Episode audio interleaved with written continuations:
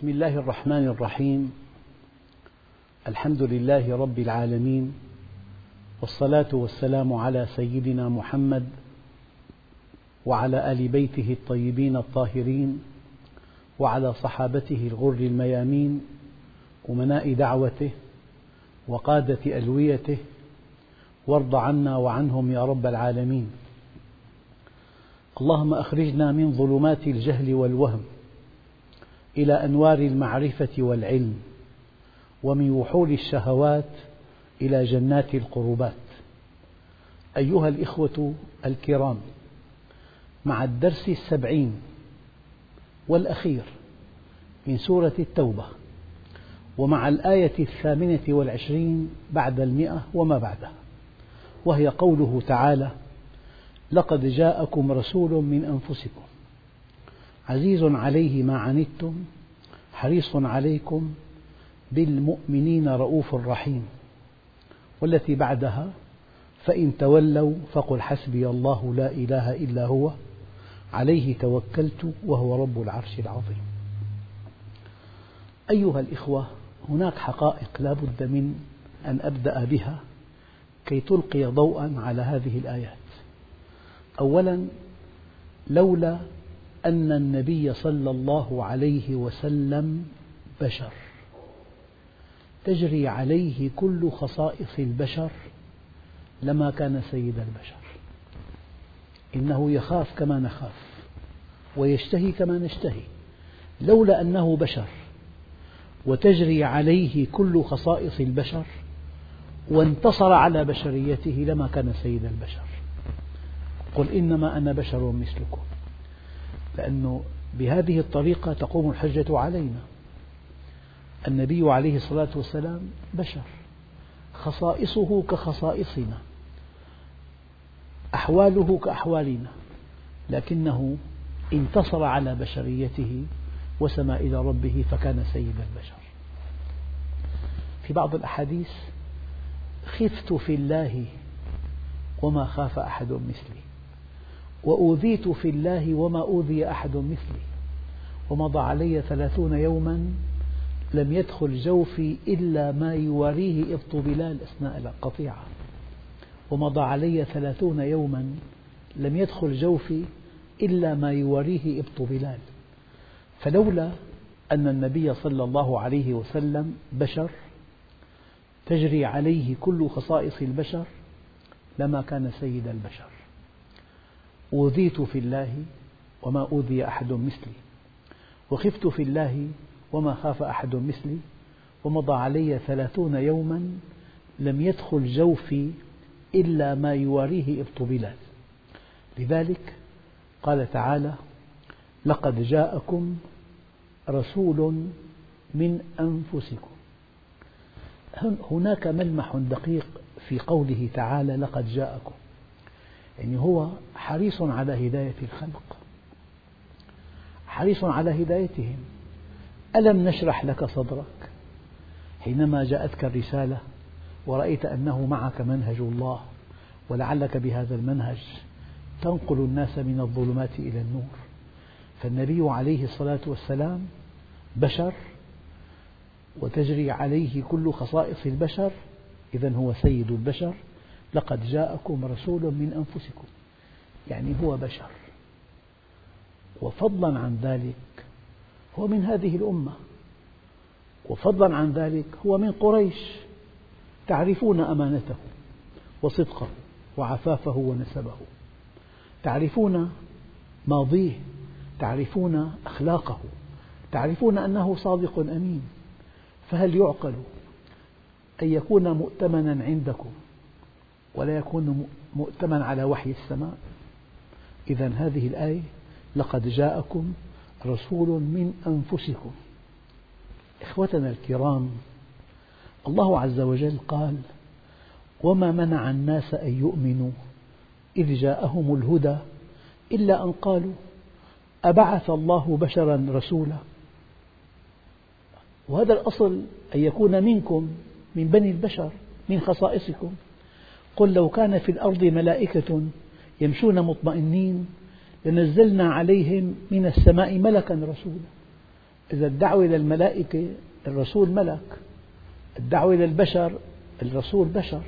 إذا لقد جاءكم رسول من أنفسكم أولا من بني البشر وتجري عليه كل خصائص البشر.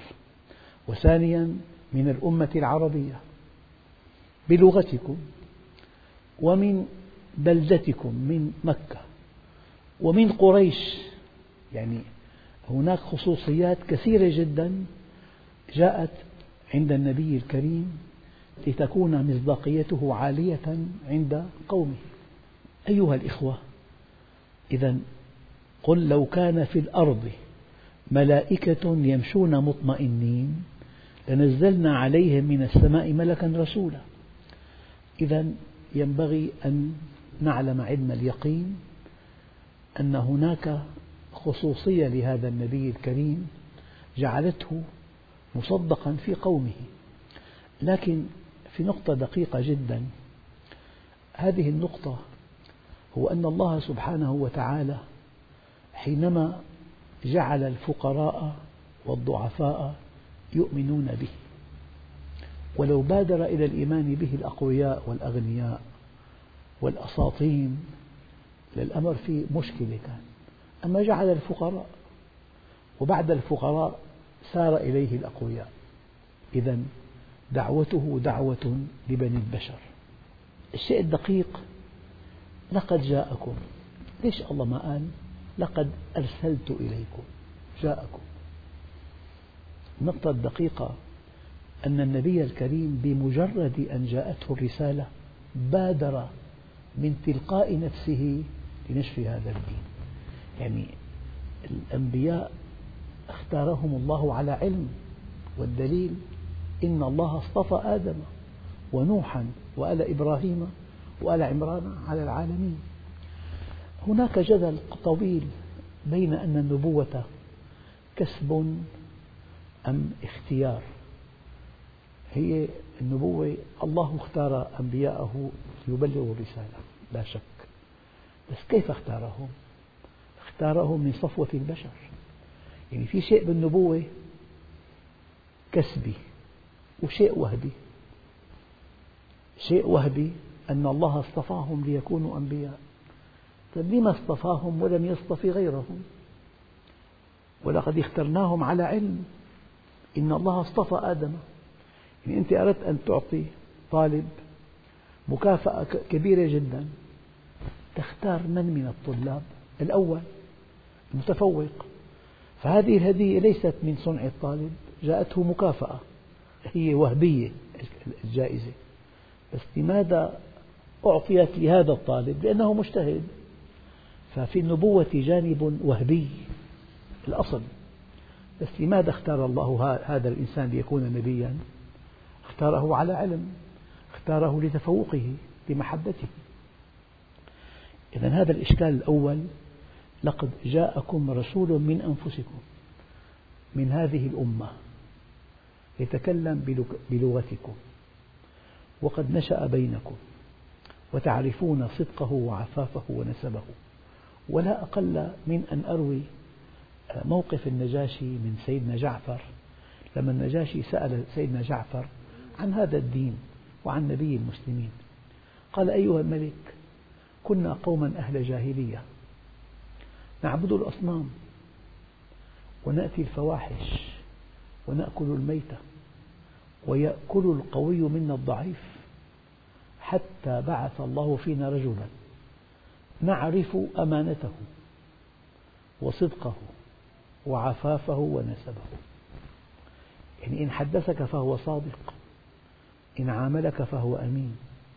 إن استثيرت شهوته فهو عفيف. نعرف أمانته وصدقه وعفافه وكأن هذه الصفات الثلاث أركان الأخلاق. بالتعامل المادي أمين. بالتعامل العاطفي عفيف. من حيث النسب نسبه من أعلى مستوى. نعرف أمانته وصدقه وعفافه ونسبه. إن حدث فهو صادق. إن تعاملته بالدرهم والدينار فهو أمين. إن استثيرت شهوته فهو عفيف. وفضلا عن ذلك النسب. لكن موضوع النسب يحتاج إلى وقفة متأنية إذا قلنا أبو لهب عم النبي. يعني أقرب إنسان للنبي أبو لهب. قال تعالى تبت يدا أبي لهب وتب فالنسب لا معنى له ولا قيمة له إلا مع الإيمان. فإذا كان صاحب النسب مؤمنا جاء النسب تاجا له. النسب يعد تاجا للمؤمن بعد إيمانه. أما من دون إيمان تبت يدا أبي لهب وتب ما أغنى عنه ماله وما كسب. نعم. هلأ بقابلها سلمان منا آل البيت. منا. سلمان فارسي. صهيب رومي. نعم العبد صهيب. لو لم يخف الله لم يعصه. يا أيها الناس إنا خلقناكم من ذكر وأنثى وجعلناكم شعوبا وقبائل لتعارفوا. إن أكرمكم عند الله أتقاكم. إذا لقد جاءكم رسول من أنفسكم من هذه الأمة العربية بالمناسبة الله عز وجل حينما قال كنتم خير أمة أخرجت للناس. هذا كلام خالق الأكوان. كنتم قال علماء اللغة معنى كنتم هنا أي أصبحتم. أصبحتم بهذه الرسالة خير أمة أخرجت للناس. لقد اختار الله هذه الأمة لتكون وسطا يعني وسطاء بينه وبين خلقه. لكن الأمة العربية الآن لعلها غفلت عن هذه المهمة التي شرفها الله بها. أن تكون هذه الأمة وسيطا بين الله وبين عباده. كنتم يعني أصبحتم بهذه الرسالة خير أمة أخرجت للناس. ما علة هذه الخيرية؟ قال تأمرون بالمعروف وتنهون عن المنكر. دقق. لو تصورنا أن الأمة الآن العربية تركت الأمر بالمعروف والنهي عن المنكر فقدت خيريتها. وأصبحت أمة كأية أمة خلقها الله لا شأن لها عند الله. في آية تشير بهذا بل أنتم بشر ممن خلق. هذه الأمة لمجرد أن تتخلى عن رسالتها وهي الأمر بالمعروف والنهي عن المنكر أصبحت أمة كأية أمة خلقها الله. لا شأن لها عند الله. لكن خيريتها بالأمر بالمعروف. من هنا قال النبي الكريم كيف بكم إذا لم تأمروا بالمعروف ولم تنهوا عن المنكر؟ الصحابة صعقوا. قالوا أو كائن ذلك يا رسول الله؟ معقول يعني؟ قال وأشد منه سيكون. قالوا وما أشد منه؟ قال كيف بكم إذا أمرتم بالمنكر؟ ونهيتم عن المعروف. قالوا أو كائن ذلك؟ صعقوا صعقة أشد. قال وأشد منه سيكون. الثالثة مفاجأة. قالوا وما أشد منه؟ قال كيف بكم إذا أصبح المعروف منكرا والمنكر معروفا؟ هذا تبدل القيم. أنا كنت أروي للطلاب. أهجى بيت قالته العرب ودخل شاعره في عهد سيدنا عمر السجن لهذا البيت. ما هذا البيت؟ قال دع المكارم لا ترحل لبغيتها واقعد فإنك أنت الطاعم الكاسي. دع المكارم. هذا البيت الذي يعد أهجى بيت قالته العرب هو في الحقيقة شعار معظم الناس اليوم. دع المكارم لا ترحل لبغيتها واقعد فإنك أنت الطاعم الكاسي. إذا كنتم خير أمة أخرجت للناس تأمرون بالمعروف وتنهون عن المنكر وتؤمنون بالله. فإذا كفت الأمة عن الأمر بالمعروف والنهي عن المنكر أصبحت أمة كأية أمة خلقها الله. هناك دليل آخر هو قوله تعالى وما كان الله ليعذبهم وأنت فيهم طبعا الآية في عهد النبي لها معنى واضح. ما دام النبي بين ظهرانيهم هم في مأمن من عذاب الله. لكن ما معنى الآية بعد انتقال النبي إلى الرفيق الأعلى؟ هنا الشاهد. قال العلماء ما دامت سنة النبي مطبقة في حياتهم في حركاتهم وسكناتهم في كسب أموالهم في إنفاق أموالهم في علاقاتهم الاجتماعية. ما دامت سنة النبي صلى الله عليه وسلم مطبقة في حياتهم فهم في مأمن من عذاب الله. ضمانة. يعني مستحيل وألف ألف ألف مستحيل أن تعذب الأمة الإسلامية وهم يطبقون منهج رسول الله. وما كان الله هي ما كان نفي الشأن أشد أنواع النفي في اللغة صيغة ما كان قال بعضهم هناك نفي الحدث ونفي الشأن تسأل واحدا هل أنت جائع؟ يقول لك لا قل لإنسان محترم جدا هل أنت سارق؟ هل كيف يقول لا؟ يقول ما كان لي أن أسرق هذا مستحيل وألف مستحيل لا أقر ولا أرضى ولا أسكت ولا ولا ولا ممكن أن تنفي بهذه الصيغة 12 فعل. ما كان الله ليعذبهم وأنت فيهم أمي تطبق منهج النبي تعذب؟ مستحيل. لذلك مر النبي عليه الصلاة والسلام أردف معاذا خلفه على الدابة. وقال له يا معاذ ما حق الله على عباده؟ هو متأدب جدا قال الله ورسوله أعلم. سأله ثانية وثالثة وسيدنا معاذ متأدب بهذا الأدب. قال له يا معاذ حق الله على عباده أن يعبدوه وألا يشركوا به شيئا. هلا بعد حين قال يا معاذ ما حق العباد على الله إذا هم عبدوه؟ أيضا كان متأدبا قال الله ورسوله أعلم. سألوا مرة ثانية وثالثة ثم قال له والله الكلام أقوله لكم وفي أكبر طمأنينة للمؤمن حق العباد على الله إذا هم عبدوه ألا يعذبهم.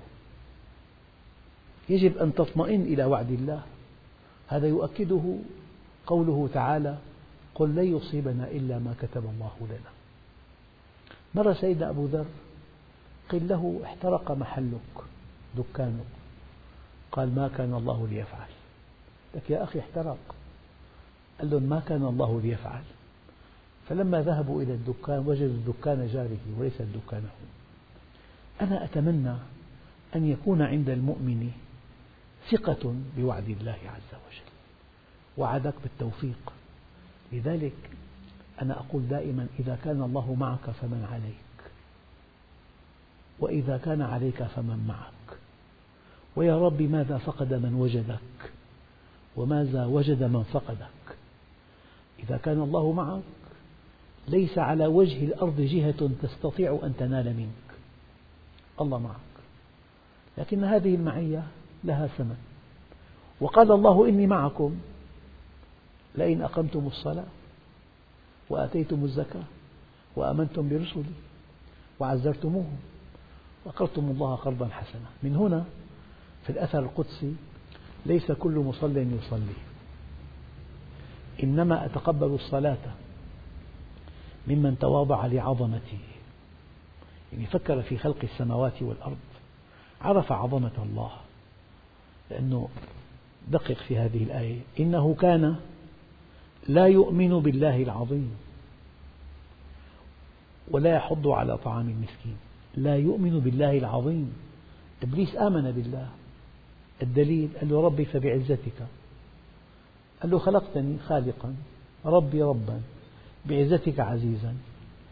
أنظرني إلى يوم يبعثون آمن بالآخرة. ومع ذلك هو إبليس اللعين. لكن إبليس ما آمن بالله العظيم. لهذا يقول الله عز وجل ما لكم لا ترجون لله وقارا. وقارا. يجب أن تؤمن بالله العظيم. إذا الآية الكريمة لقد جاءكم رسول من أنفسكم في قراءة من أنفسكم. قراءة يعني تغني المعنى أحيانا يعني بأعلى درجة من الكمال. لكن الذي يقول أن الكون خلق من أجل محمد هذه شطحة. لكني أقول إن الكون خلق ليكون الناس فيه على شاكلة محمد. خلق البشر ليكونوا على شاكلة محمد. ليكون هو نبراسا لهم وقدوة. والدليل لقد كان لكم في رسول الله أسوة حسنة لمن كان يرجو الله واليوم الآخر وذكر الله كثيرا. إذا لقد جاءكم ليش ما قال لقد أرسلته إليكم؟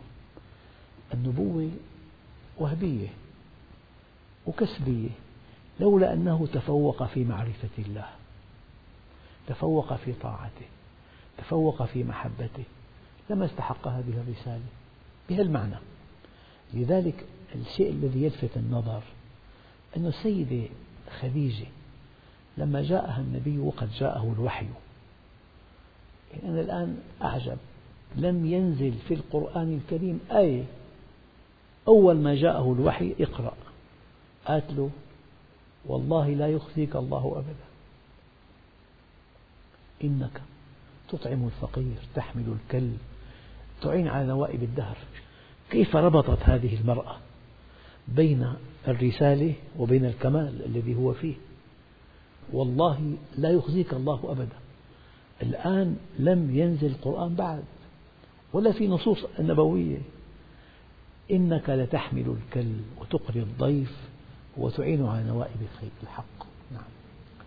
إذا لقد جاءكم رسول من أنفسكم عزيز عليه ما عنتم. يعني إذا كان هذا المنهج يتعبكم هذا الشيء يؤلمه.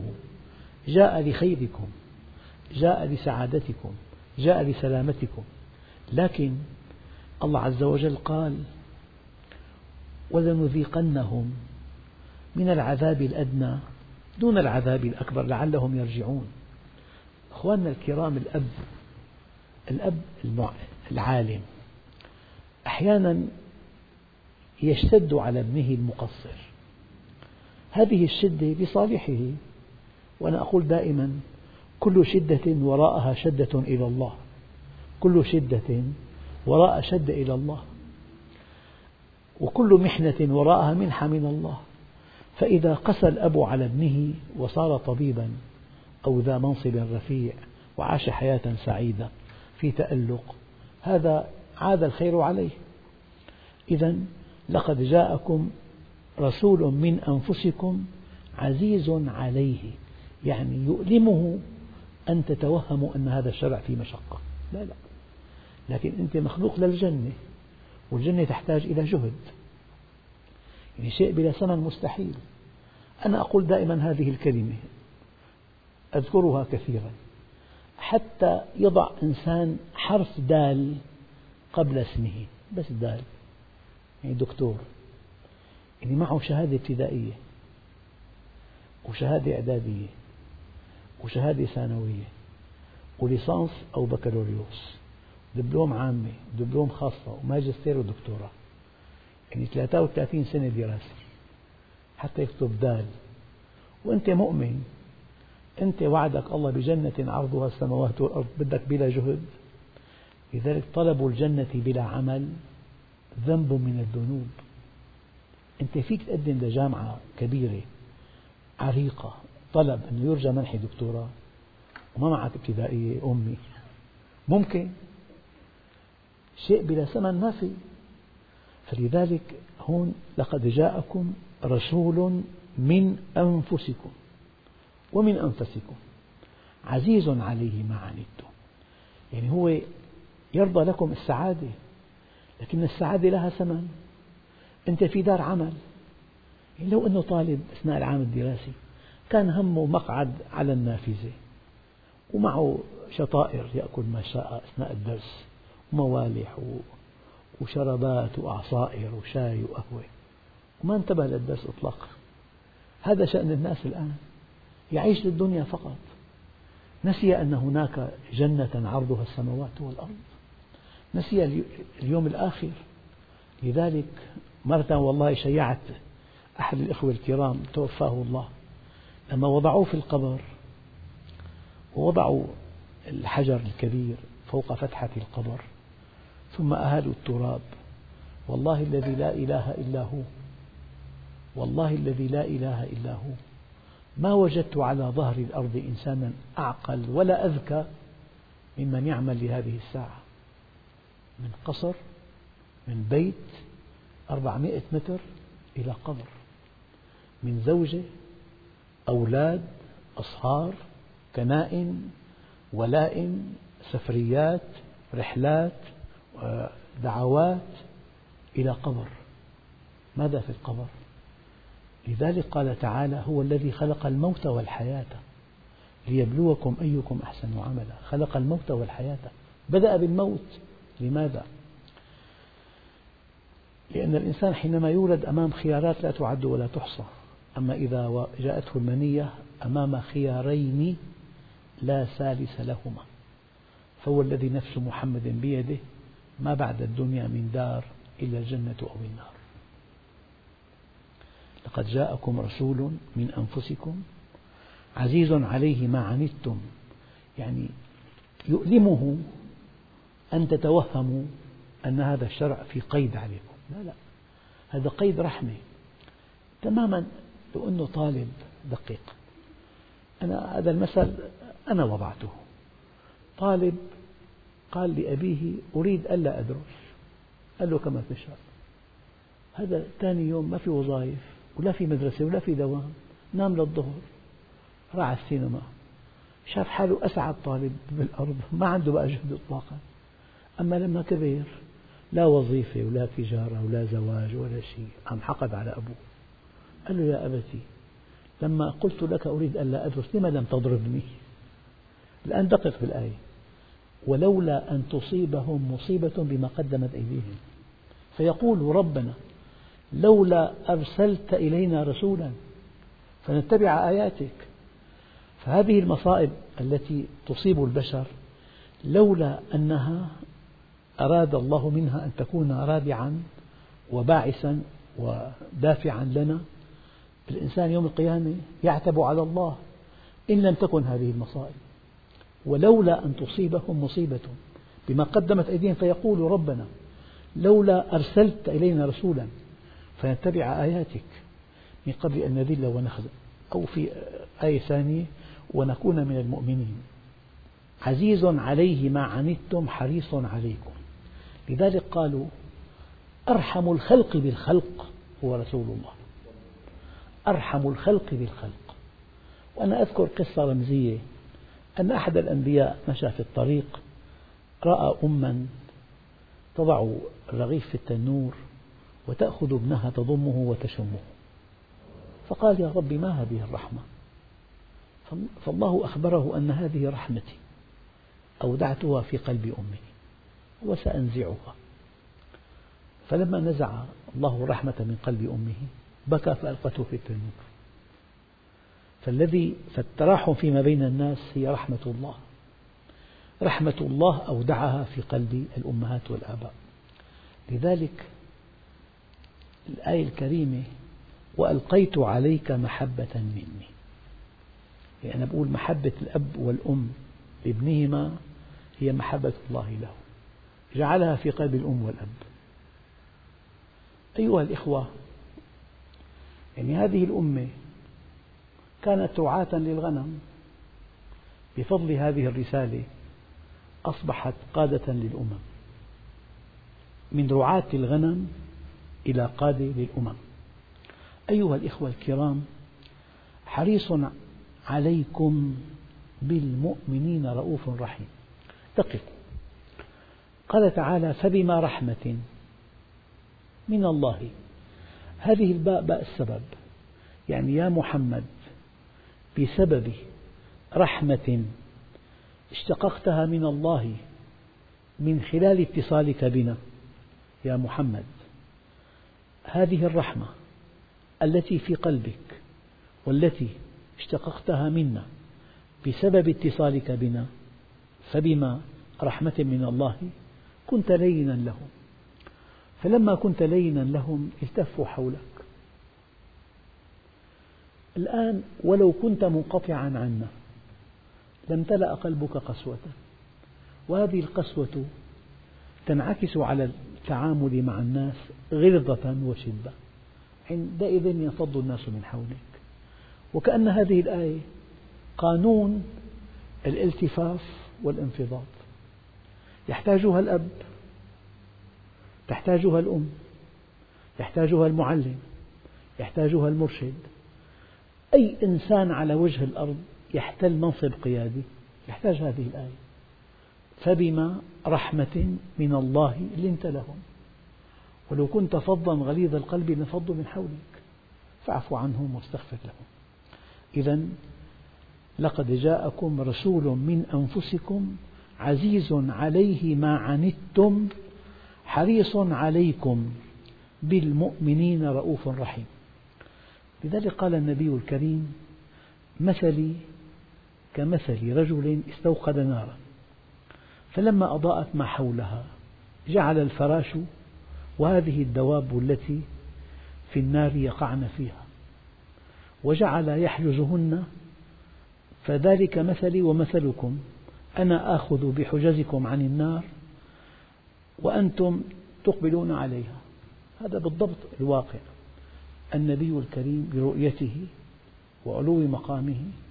هدفه الأول أن ينجي أمته من النار. فإن تولوا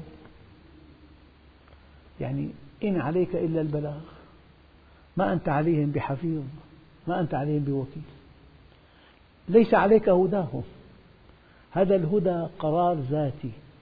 لا بد من أن يأخذه الإنسان. هذا الهدى. قرار ذاتي فإن تولوا فقل حسبي الله. أديت الذي عليك. اطلب من الله الذي لك. لذلك ما يستطيع لا نبي ولا رسول ولا داعية كبير أن يعني ينقل الهدى إلى الناس. الناس مخيرون. هذا الإنسان يقبل أو لا يقبل. والدليل دقق وإنك لتهدي إلى صراط مستقيم. هي آية ثانية ليس عليك هداهم. طيب عجيب. وإنك لتهدي إلى صراط مستقيم. ثم في آية أخرى ليس عليك هداهم. معنى ذلك الهدى قرار ذاتي. إذا اتخذه الإنسان كل شيء في الأرض وفي الكون يدله على الله. أما إذا لم يتخذ هذا القرآن لو كان في قاعدة فضائية يرى المجرات بعينه من من خلال التلسكوبات. لو كان على مجهر إلكتروني يرى الخلية. لو كان في أكبر مركز علمي يرى كل شيء هذه الأشياء لا تقدم ولا تؤخر. يعني الهدى لا بد من أن تتخذ قرارا ذاتيا بطلب الحقيقة. عندئذ كل شيء يدلك على الله. فإن تولوا فقل حسبي الله.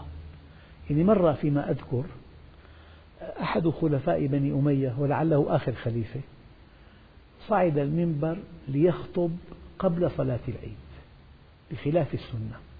يبدو أنه لم يكن محبوبا فكان الناس إذا صلوا العيد انصرفوا إلى بيوتهم. فصعد المنبر ليخطب قبل الصلاة. هكذا قرأت القصة. أحد الجالسين أمسكه من ثوبه الخليفة. قال له هذا ما فعله النبي الكريم. لكنه لم يعبأ به وتابع الصعود وخطب. قال أحدهم من الحاضرين قال أما هذا فقد أدى الذي عليه. أنا أقول دائما أدي الذي عليك واطلب من الله الذي لك. يعني أدي الذي عليك من طاعة واطلب من الله الذي لك. فإن تولوا فقل حسبي الله. أنا أديت, أديت الذي علي أحيانا أنا أقول لإنسان يستنصحني في علاقته بأبيه قد يكون أبوه قاسي جدا قل له أدي الذي عليك واطلب من الله الذي لك. فإن تولوا فقل حسبي الله لا إله إلا هو عليه توكلت وهو رب العرش العظيم. رب العرش العظيم ما لم تؤمن بالله العظيم فالطريق إلى الله ليس سالكا ما لم تؤمن بالله العظيم ما لكم لا ترجون لله وقارا. أنت إذا تفكرت في خلق السماوات والأرض آمنت بالله العظيم. يعني بعض المعلومات البسيطة بين الأرض وبين أقرب نجم ملتهب عدا الشمس. أربع سنوات ضوئية بين الأرض وبين أقرب نجم ملتهب عدا الشمس. أربع سنوات ضوئية. والضوء يقطع في الثانية الواحدة 300 ألف كيلومتر. بالدقيقة ضرب 60 بالساعة ضرب 60 باليوم ضرب 24 بالسنة ضرب 365 بأربع سنوات ضرب أربعة. يعني ابنك الصغير بدقائق على آلة حاسبة يحسب لك كم تبتعد الأرض عن أقرب نجم ملتهب لها. عدا الشمس. أربع سنوات ضوئية. الآن لو في مركبة في الأرض يمكن أن تصل لهذا الكوكب. سرعتها كسيارة عادية مية. تحتاج إلى خمسين مليون عام كي تصل إليها. خمسين مليون عام كي تقطع أربع سنوات ضوئية. أخواننا الكرام نجم القطب يبعد عنا أربعة آلاف سنة ضوئية. أربعة آلاف سنة ضوئية. المرأة المسلسلة مجرة تبعد عنا مليوني سنة ضوئية. أحدث مجرة اكتشفت حديثا تبعد عنا 24 ألف مليون سنة ضوئية. 24 ألف مليون. اقرأ قوله تعالى فلا أقسم بمواقع النجوم وإنه لقسم لو تعلمون عظيم. لذلك إنما يخشى الله من عباده العلماء. إذا أردت الدنيا فعليك بالعلم وإذا أردت الآخرة فعليك بالعلم وإذا أردتهما معا فعليك بالعلم. والعلم لا يعطيك بعضه إلا إذا أعطيته كلك. فإذا أعطيته بعضك لم يعطك شيئا. ويظل المرء عالما ما طلب العلم. فإذا ظن أنه قد علم فقد جهل. طالب العلم يؤثر الآخرة على الدنيا فيربحهما معا. بينما الجاهل يؤثر الدنيا على الآخرة فيخسرهما معا. هذا هو الدرس الأخير في سورة التوبة وأرجو لإخوتي المشاهدين التوفيق والنجاح والسلام عليكم ورحمة الله وبركاته.